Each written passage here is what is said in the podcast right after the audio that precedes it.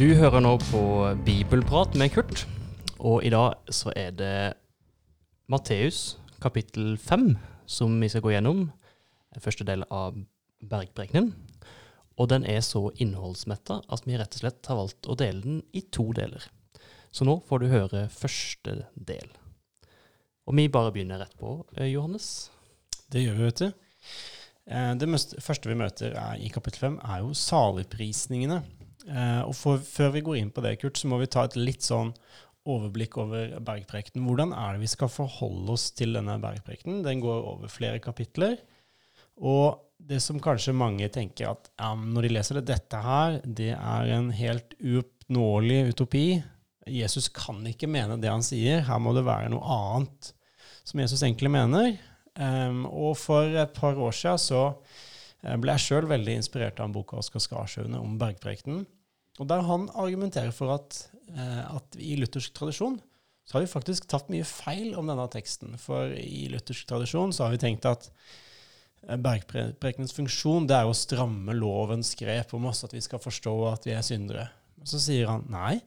Ser vi på kirkehistorien og leser vi dokumenter om hvordan de første kristne forsto det her, så tolker de det som at faktisk Jesus mente det her. Dette skulle vi faktisk leve etter. Hvordan, hva tenker du om det her, Kurt? Ja, Vi så siste gang at Jesus forkynner Guds rike. Og det du møter i bergprekenen, det er jo undervisning om det å leve i Guds rike. Altså, Jesus har samlet disipler omkring seg, og nå underviser han både disiplene og folkemengden om hva det innebærer å være disippel. Hvem er disipler? Det skal vi møte først i saligprisningene, for der beskriver Jesus disiplene. Og så i neste omgang så taler han om det å leve som disippel. Og jeg er ikke i tvil om at Jesus mente hvert ord som står i bergprekenen.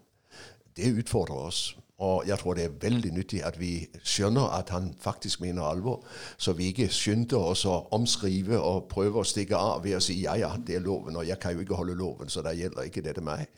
Eh, Jesus mener at du som ønsker å høre Jesus til og følge ham, du eh, leser dette, og så tar du det til deg, og så innretter du deg etter det. Og så er vi disipler underveis, alle sammen. Ingen av oss er fremme enda. Det betyr at vi kommer ofte til kort.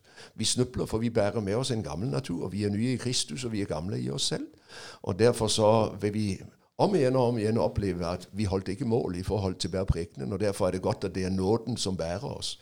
Men nåden kaller oss til et nytt liv. Og det er jo veldig interessant at apostelen Paulus skriver i Titusbrevet at nåden oppdrar oss til rettferdighet og gode gjerninger.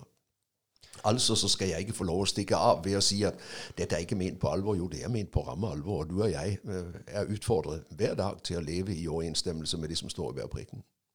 Så ser jeg for meg kanskje at det er en del misforståelser med bergprekenen som kommer av en følge av at eh, eh, kristendommen har lenge vært en majoritetsreligion og en statsreligion.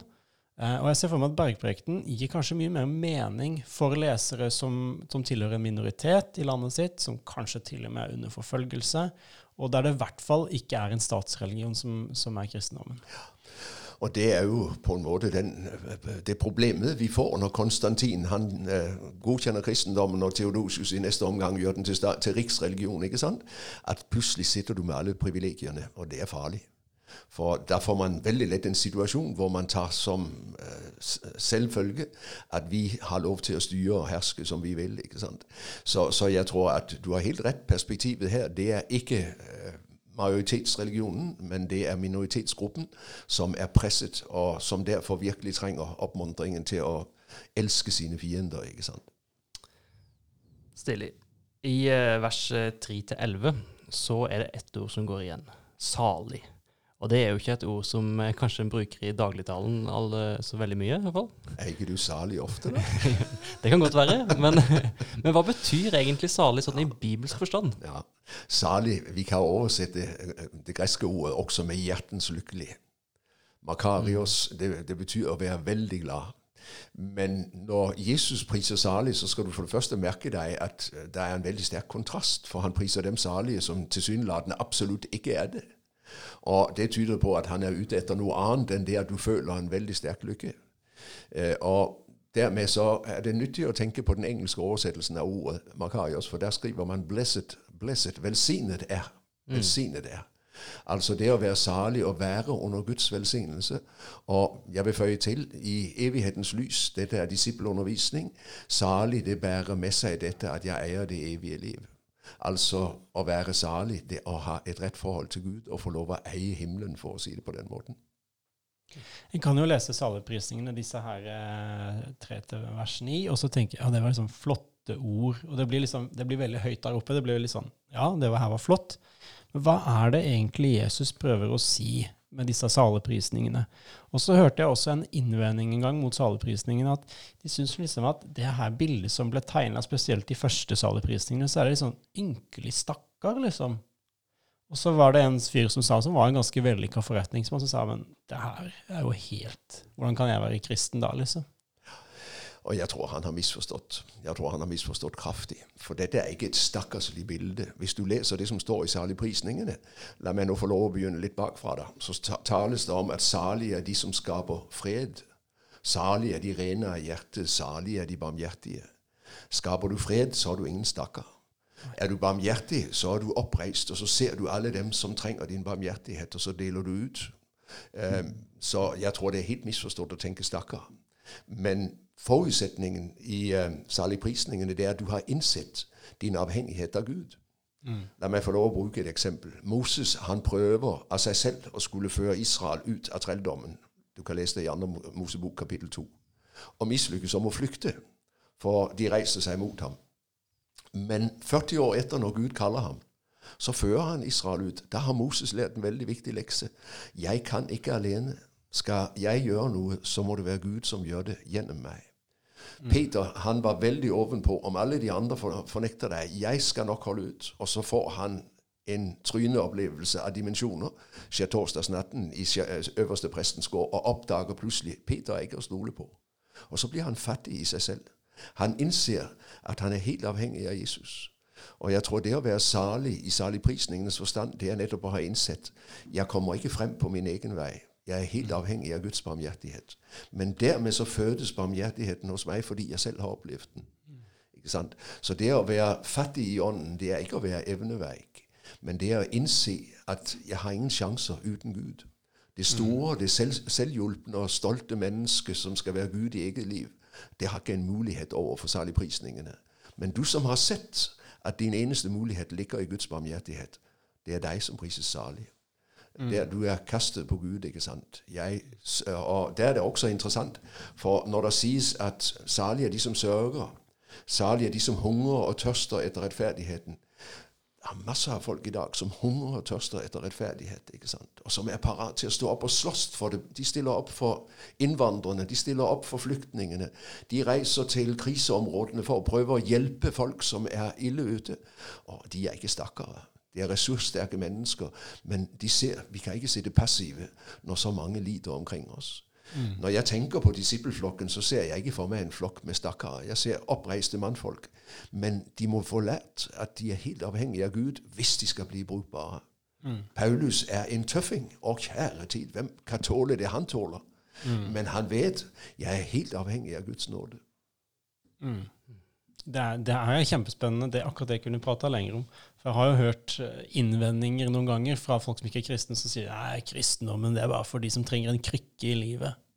Og, og der, der, ligger nettopp denne misforståelsen da, som du er inne på her. Jo, og samtidig så ligger der det selvforgudende mennesket. Vi er så store at vi kan selv. Mm. Og da har man ikke skjønt hvor man er. Nei. Hva kan du i forhold til sykdom, lidelse, død mm. og synd? Hva har du å stille opp med? Ser du ikke at du trenger en som er større enn deg selv, hvis du skal ha mm. noen muligheter? En annen innvending som en ofte kan høre, er jo at uh, kirkehistorien har vist at uh, kirka ikke nødvendigvis akkurat har skint opp igjennom. Og det blir jo litt rart når en hører i eh, vers 13-19 at dere, altså de som hører på, er jordas salt og verdens lys. Og denne innvendinga da handler om at uh, ja, kirka har dere, har dere egentlig skint opp igjennom? Nei, kirken har sint veldig lite i, veldig store deler av historien. Men så er det jo spørsmål om hvem taler Jesus til? Han taler ikke til kirka. Han taler til disiplene. Mm. Og han taler til enkeltdisiplene som følger ham. Det er mange i kirken som ikke har fulgt Jesus. Tenk på de paver som beriket seg selv, og som levde i sus og dus og hor og jeg vet ikke hva. Det var ikke kirken. De hadde navn av kirken, men det var absolutt ikke kirken.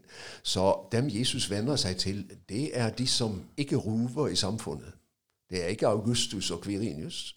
Det er alminnelige mennesker som overlater seg til Gud, og så følger Jesus.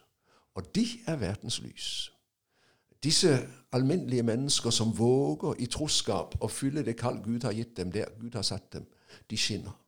Og jeg møter sånne disipler stadig vekk hvor jeg kjenner her var det godt å være. De lyser ut godhet, og de våger å være tro i det små. De våger å ta de jobber som andre ikke vil ta. De våger å stille opp når alle de andre er gått hjem. Sånne mennesker, de skinner. Det er ikke sikkert at de kommer i avisen, og det er ikke sikkert at de får den store oppmerksomheten, men jeg er ikke i tvil om at de sier noe om her er ekthet. Her er det Jesus er etter. Så å skinne innebærer ikke nødvendigvis å komme i avisa eller Nei, å skinne er ikke noe du kan se på folk. Eh, men det står om Moses når han kom ned fra møtet med Gud, at det lyste hans ansikt, så han la en, en, et dekke over ansiktet. Jeg har møtt en del sånne hverdagshelter som uten å være klar over det, ga fra seg et lys som gjorde at jeg ble inspirert og kjente Oi, sånn ønsker jeg å være. Gud, hjelp meg til å være sånn som ham og som henne. Og der tror jeg at det er helt sant, det som står. Det er veldig interessant. Det står ikke 'dere skal lyse', men det står 'dere er verdens lys'. Og så tenker jeg, tenker jeg på det at dette her verset om at, om at, at det her med at lyset kom til verden, men verden tok ikke imot det. Og at de som på en måte lever i mørket, for det gjerningen deres tåler ikke lyset, de hater lyset. Så det at vi har et eh, Jesus vil at vi skal skinne, eller at lyset vårt skal skinne for menneskene, det betyr ikke nødvendigvis at det blir en god respons på det. Det er jo veldig interessant. Hvorfor er så mange land i verden så livredd for å la evangeliet lyde tydelig og klart? Hvorfor forfølger man kristne? Jeg mener, tenk på Egypt. De kristne har ingen høye stillinger. De har ingen posisjoner. Og allikevel så er man altså stadig etter dem og er livredd for dem. Hvorfor er man det? Mm. Det må være noe her som skaper angsten. Mm. Og da tenker jeg at uh, nettopp midt i, i det som tilsynelatende ikke er så mye, så må det være en kraft som gjør at folk blir redde. Mm. I vers uh, 17-20 eh, så møter vi noe som kan virke veldig rart, og det er noen formuleringer. altså Jesus snakker her om, om loven. Tro ikke at jeg er kommet for å oppfylle hele loven eller profetene. Jeg er ikke kommet for å oppheve, for å oppfylle. Og Så langt så følger vi med, så tenker vi ja, for det var jo nettopp det Jesus gjorde på, med livet sitt og på korset, at han oppfyller loven. Men så drar det seg litt til her, så tenker vi ja, i all verden er dette for noe? Så sier han før himmel og jord forgår, skal ikke den minste bokstav eller eneste prikk i loven forgå før alt er skjedd. Den som opphever et eneste av disse minste budene og lærer menneskene å gjøre dette, skal regnes som den minste i himmelriket. Tenkte, I all verden? Dette høres jo helt antievangelisk ut. Og så litt seinere så sier Jesus at dette med renhetsforskriften og vaske hendene, det er ikke så viktig. Sier han ikke imot seg sjøl her, da? Tilsynelatende gjør han det. Men uh, det er veldig interessant å legge merke til at uh, Jesus sier 'jeg kommer for å oppfylle'. Og han oppfyller loven på den måten at for det første så lever han fullkomment i overensstemmelse med de etiske bud. Så oppfyller han loven. Det skjer i ham. Dette som ofrene, gudstjenesten, høytiden, alt dette peker på ham og oppfylles i ham. Og Derfor er det mye av loven som ikke skal føres videre etter eh, påske og pinse, for det har fått sin oppfyllelse. Les Hebreabrevet og se hvordan Hebreabrevet sier Jesus oppfyller alt det loven sier om øverste presten, om offertjenesten osv. Så, videre. så her er det viktig å skjelne hva er det som er bestående i loven. Noe har sin tid frem til Jesus kommer og oppfylles i ham. Og Jesus selv tar et oppgjør med disse renhetsforskriftene og sier det er bare foreløpige bud som peker mot hjertets renhet. Det er, det er, der problemet ligger. Og så er lovens oppfyllelse dels hans offer, som gjør at du og jeg får frelse gratis. Og samtidig, der hvor jeg blir disippel i troen på Jesus, kalles jeg til å vandre i de etiske budene. Og det er veldig interessant. Hvis du leser de nytestamentlige formaninger, så fornyes loven ikke som frelsesgrunn. Det har den aldri vært ment som. men som anvisning på hvordan jeg er kalt til å leve som kristen.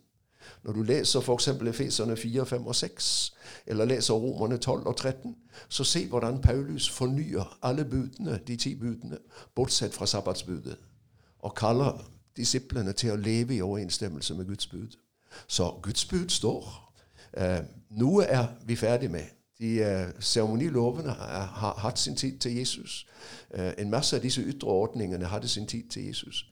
Men det er noe som fortsatt gjelder både for jøder og for ikke-jøder. Og det er å elske sin neste som seg selv og elske Gud overalt. Og Det er jo selve kjernen i loven når Jesus selv skal definere lovens innhold.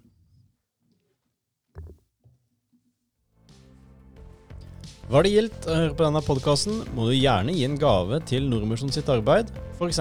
på VIPS med nummeret 94272, eller besøk oss på nordmisjon.no agder.